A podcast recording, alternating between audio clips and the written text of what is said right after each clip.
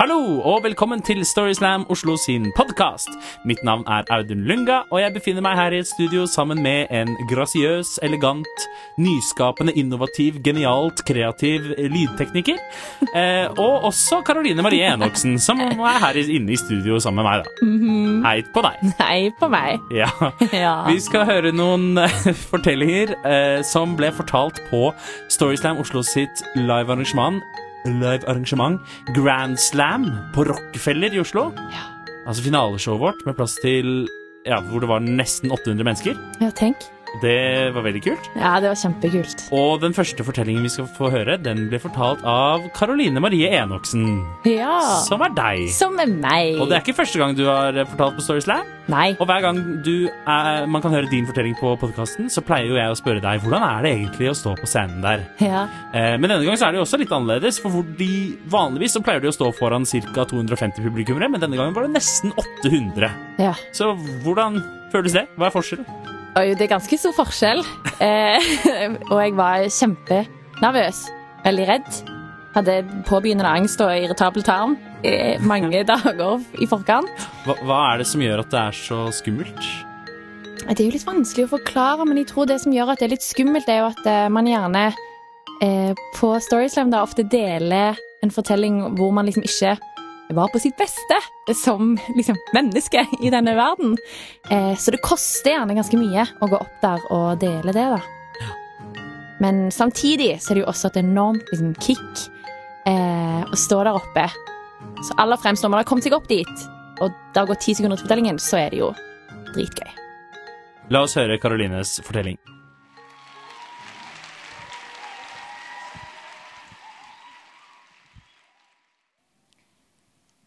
Porten går i lås bak meg.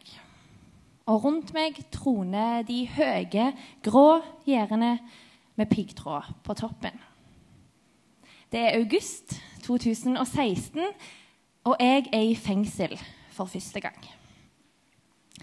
En ganske eksotisk opplevelse for en masterstudent fra bibelbeltet som kan skilte med et rulleblad bestående av å ha stått bakpå en moped uten hjelm og har stjålet en Coca-Cola på Lille Amir Kebab i 2013. Et lovbrudd jeg forresten føler egentlig var helt innafor fordi han i kassen var så sykt ufine. Jeg var, som dere skjønner, på ganske ukjent grunn. Men min indre idealist hadde bestemt seg. Jeg skulle nemlig personlig ta på meg oppgaven, eller kallet, om du vil, om å redde den marginaliserte gruppen norske kvinnelige innsatte med det mest kraftfulle middelet i denne verden, nemlig drama og teater. Og nå lurer kanskje dere på om jeg tenkte at jeg skulle rehabilitere disse kvinnene gjennom øvelser som eh, kontaktimprovisasjon, gå som fantasidyret ditt, eller eh, vær fargen oransje. Og svaret på det er ja. Det trodde jeg. Altså, For meg var det helt klart. Drama, pedagogiske øvelser og teaterlek. De eneste verktøyene en trenger på veien ut av utenforskapet og inn igjen i samfunnsvarmen. Ja, selv om jeg var idealistisk og kanskje litt blåøyd, altså var jeg ikke naiv. Altså tvert imot. Jeg var livredd. Fordi jeg har jo sett alle sesongene av Orange is the New Black. Og vet derfor veldig godt hvordan innsatte kan reagere når de står ansikt til ansikt mot uvedkommende. Men er det én ting jeg har lært av Elisabeth, venninna mi, så er det det at hvis frykt er ditt eneste hinder, ja, da skal du gjøre det. Og det tror jeg på, for hun er faktisk psykolog. Så jeg pakka med meg alle mine frykter og antagelser. Putta de oppi en liten sekk sammen med noen rytmeegg. Og håndboka mi med tittelen 'Du har hovedrollen i ditt eget liv'. Og så dro jeg til fengsel. Og jeg lurer på hva de damene må ha tenkt når jeg kom inn der. Og daglig insisterte på at vi skulle samles i en sirkel, gi naboen en stjernemassasje og danse danseleken. Hermegårdsversjon. Hvis dere lurer på hvor kleint det er å danse danseleken hermegårdsversjon når ingen gidder å herme, så kan jeg jo avsløre at det er satan så kleint, det. Den første dagen så kom ikke halvparten av de tilbake igjen etter lunsj. Da ville de heller tove ulltøfler. Og det Det kunne ikke jeg forstå. Men så skjønte jeg etter hvert at jeg måtte jo finne en måte å bonde med disse jentene på.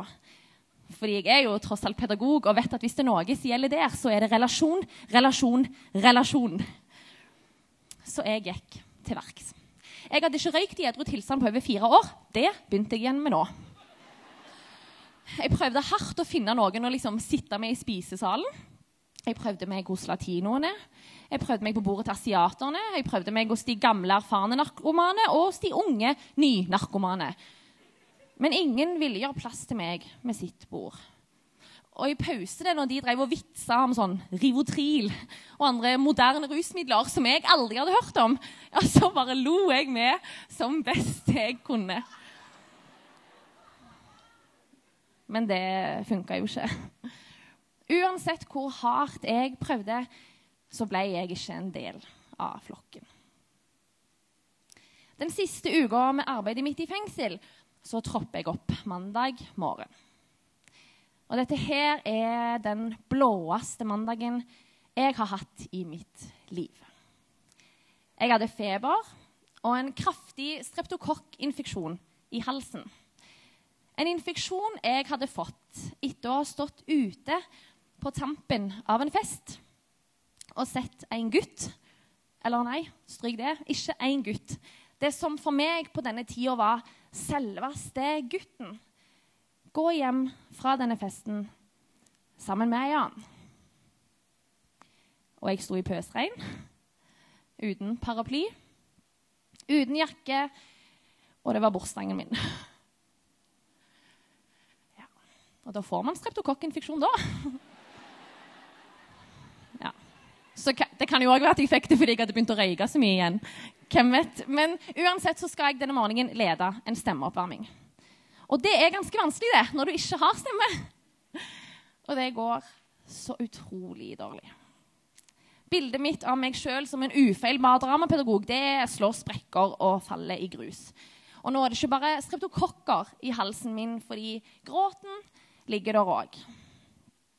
Jeg må forlate rommet, avbryte øvelsen men da skjer det at ei av damene fyller etter meg ut. Så setter hun seg ned på siden av meg på trappa, legger en varm hånd på skulderen min og sier, 'Karoline, går det bra?' Og jeg begynner å grine.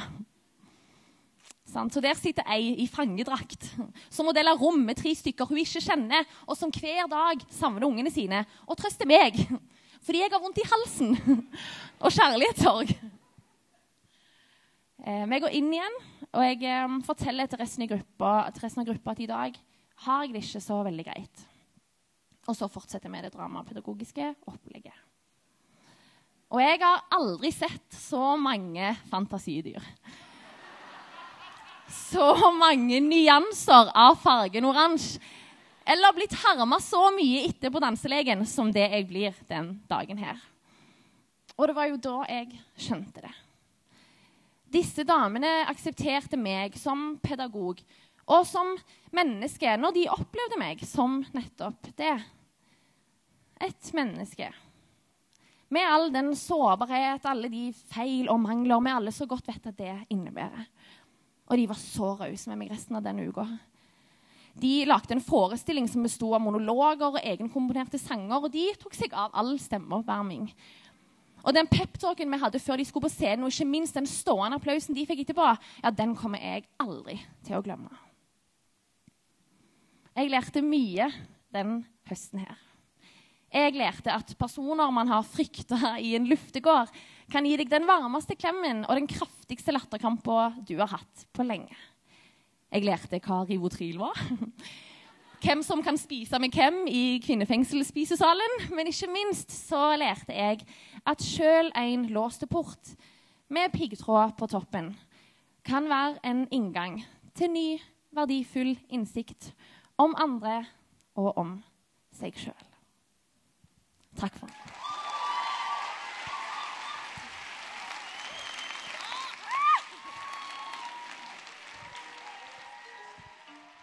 Tusen takk til deg, Karoline, og særlig for de veldig flotte visdomsordene på slutten der, som jeg lover å ta med meg dypt innerst i mitt hjerte og huske på når jeg trenger det som mest. Ja, det skal du gjøre.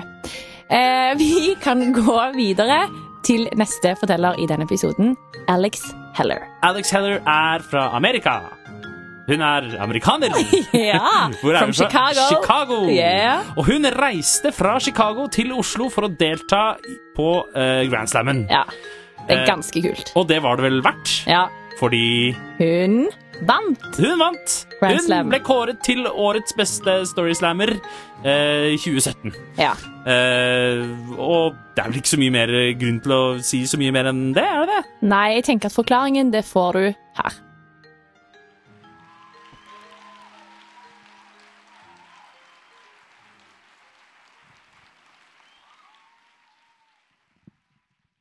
All my life, I've just wanted to stay dry when I wake up in the morning. I wet the bed until I was 14 years old. Some people wear diapers until they're like three. I wore them until I was 10. My mom used to be like, Alex, it's, it's not a diaper, it's a pull up. I'm like, you're ruining my life. I remember having the same dream like every night. I'm doing something normal, and then all of a sudden, I'm in a freezing cold river. ah, it's my own piss.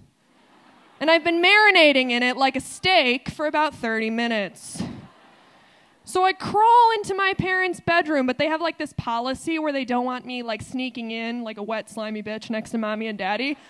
So I sleep at the foot of their bed on the wooden floor like a wet dog.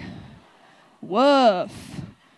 And then I was in fourth grade, and when you're a fourth grade girl, sleepovers are like a crucial part of making friends. You know, like eating Skittles and playing Truth or Dare and hiding in your sleeping bag while you discreetly put on your diaper. I remember my friends being like, um, what are you doing? And me being like, oh, uh, nothing. Why? We could not figure out why this was happening to me. When I was 12, I went to see a male urologist who's a doctor of the urinary tract. That was the first man who ever touched my vagina. I was 12. I'm laying on my back. My legs are just like up in those stirrups, and uh, I've just grown my first like three pubes. And this dude is just going at it like it's a calculator. It was not great. The urologist recommended this like P activated radar alarm thing to wear in my underwear at night. Imagine like a tiny MP3 player, but it's in your pussy. And if it gets wet at night, it's just like reet, reet, reet, reet. So it's one failure after another. And then a little bit further down the line, a second doctor gave me some magic pills. I could take one before going to bed, and it would just like dry out my entire body, like I could not produce liquids. So I wouldn't wet the bed. And yeah, it was like questionably government approved. So I tried to only take those on special occasions like sleepovers or Christmas Eve or Hanukkah. I'm half Jewish. Um, I don't know why I said that quietly. I mean, it's been a while since the war. Um, anyway, sleepovers were very hard. These pills made my life hell. And every day I would just wish, uh, could I just trade this disease this like curse for literally anything? And then I turned 14 and I got my wish. I started high school. I stopped wetting the bed. I stopped taking those pills. But then something else started happening. Um, I started getting these like mood swings. You know, they were intense. I was angry all the time. I recently reread my live journal from this time period, and it was I was very much a person who's like, you know, wishing death upon every member of my family because I didn't get an iPod for Christmas. Um, my profile picture avatar thing was a tree in the rain.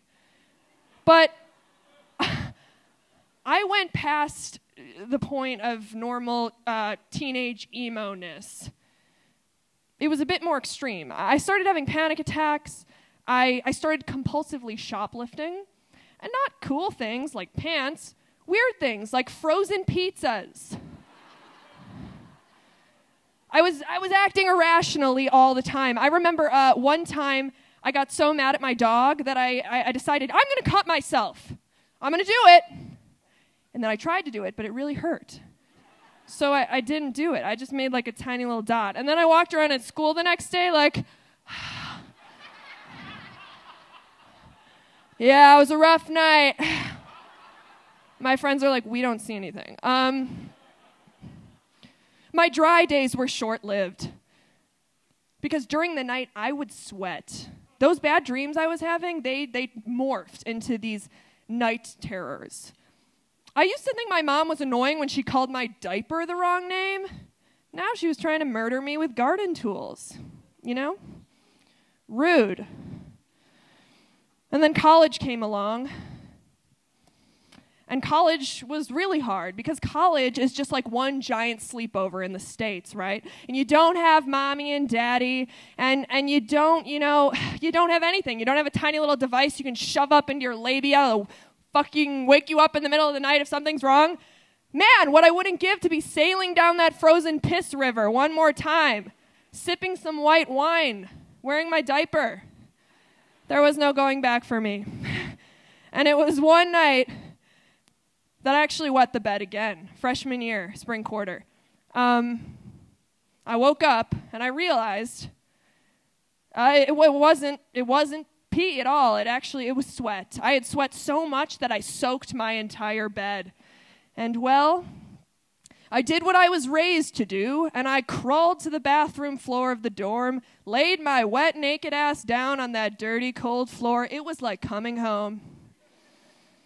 And at 5 a.m. that night, I finally thought to myself, I don't know if this is a curse or if I wished it upon myself, but I fucking need my mommy and daddy, like right now. And I called home. And then, well, what's even more awkward than seeing a creepy male urologist when you're 12 is seeing a psychiatrist when you're 19. But I found out that everything that was happening to me had a name, and that was bipolar disorder, which I thought before was just a thing that's like sometimes you're really happy and sometimes you're really sad, but I learned meant a lot more. And for the second time in my life, I was given some magic pills. And I did not trust them. And my psychiatrist was like 85 years old, nearly dead, and the first Norwegian person I ever met in my life. Her name was Valborg, which to me sounded like cyborg. But I decided to give the pills a chance. And here I am, five years later. I'm still taking them twice a day. And I'm fine.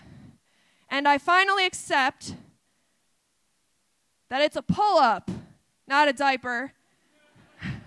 and it's a mental illness, not a curse. And now, at the age of 24, I finally wake up dry. Thank you.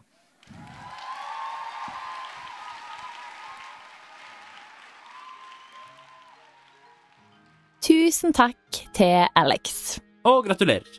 Eh, neste Storyslam er på Kulturhuset i Oslo den 5. februar klokken åtte. Det blir et forrykende show, og vi gleder oss masse til det. Ja, det gjør vi. Eh, og så må vi også huske å nevne Audun, at rett etter det, Mhm. den påfølgende lørdagen 10. februar, så har vi blitt invitert til å være med på Oslo Podfest. Det blir kult. Det blir kjempekult. Det er på Vulkan Arena i Oslo klokka fem. Og det betyr at vi altså skal være der og spille inn en episode av denne podkasten live. Ja. Du og jeg ja. på scenen, og Oi. også fortellere som kommer og forteller live, ikke sant? Ikke sant? Ja, så- Veldig mange lag her. Ja. Meta-opplegg. Meta, la, ok, Det er ikke meta. jeg skjønner ikke det. Nei, feil Men- bruk. Feil Yes. bruk av terminologien. Jeg har ikke lært meg hva meta betyr, tydeligvis. Eller en av oss har ikke lært det. Ja. Så, men det blir kult, i hvert fall. Det og vi gleder oss masse. Uh, og det blir en litt annerledes podkastepisode som kommer ut en eller annen gang etter det. Ja. Eh, og det, dere er da dermed selvfølgelig hjertelig velkommen til å komme og se denne podkastepisoden bli spilt inn som en del av Oslo Podfest. Absolutt. Yes. Og hvis du òg vil ha litt mer informasjon om de arrangementene vi er med på å arrangere, så må du jo bare følge oss på vår Facebook-side. Der kommer det fortløpende informasjon. Og du kan jo følge oss på Instagram. Jo, yes. Og hvis du har spørsmål eller er interessert i å bli med på en av våre gratis workshops, eh, eller bare har en god historie som du har lyst til å lufte, så Eller hva som helst annet også, egentlig. Vi, er, vi, vi ønsker oss mail. Okay. Så da kan du sende oss en e-post Yes. til vår adresse, som Karoline nå skal fortelle oss hva er. Post at storyslamoslo.no. Fordi hun husker alltid hele den helt utenat. Ja, ikke sant. Takk for nå! Takk for nå!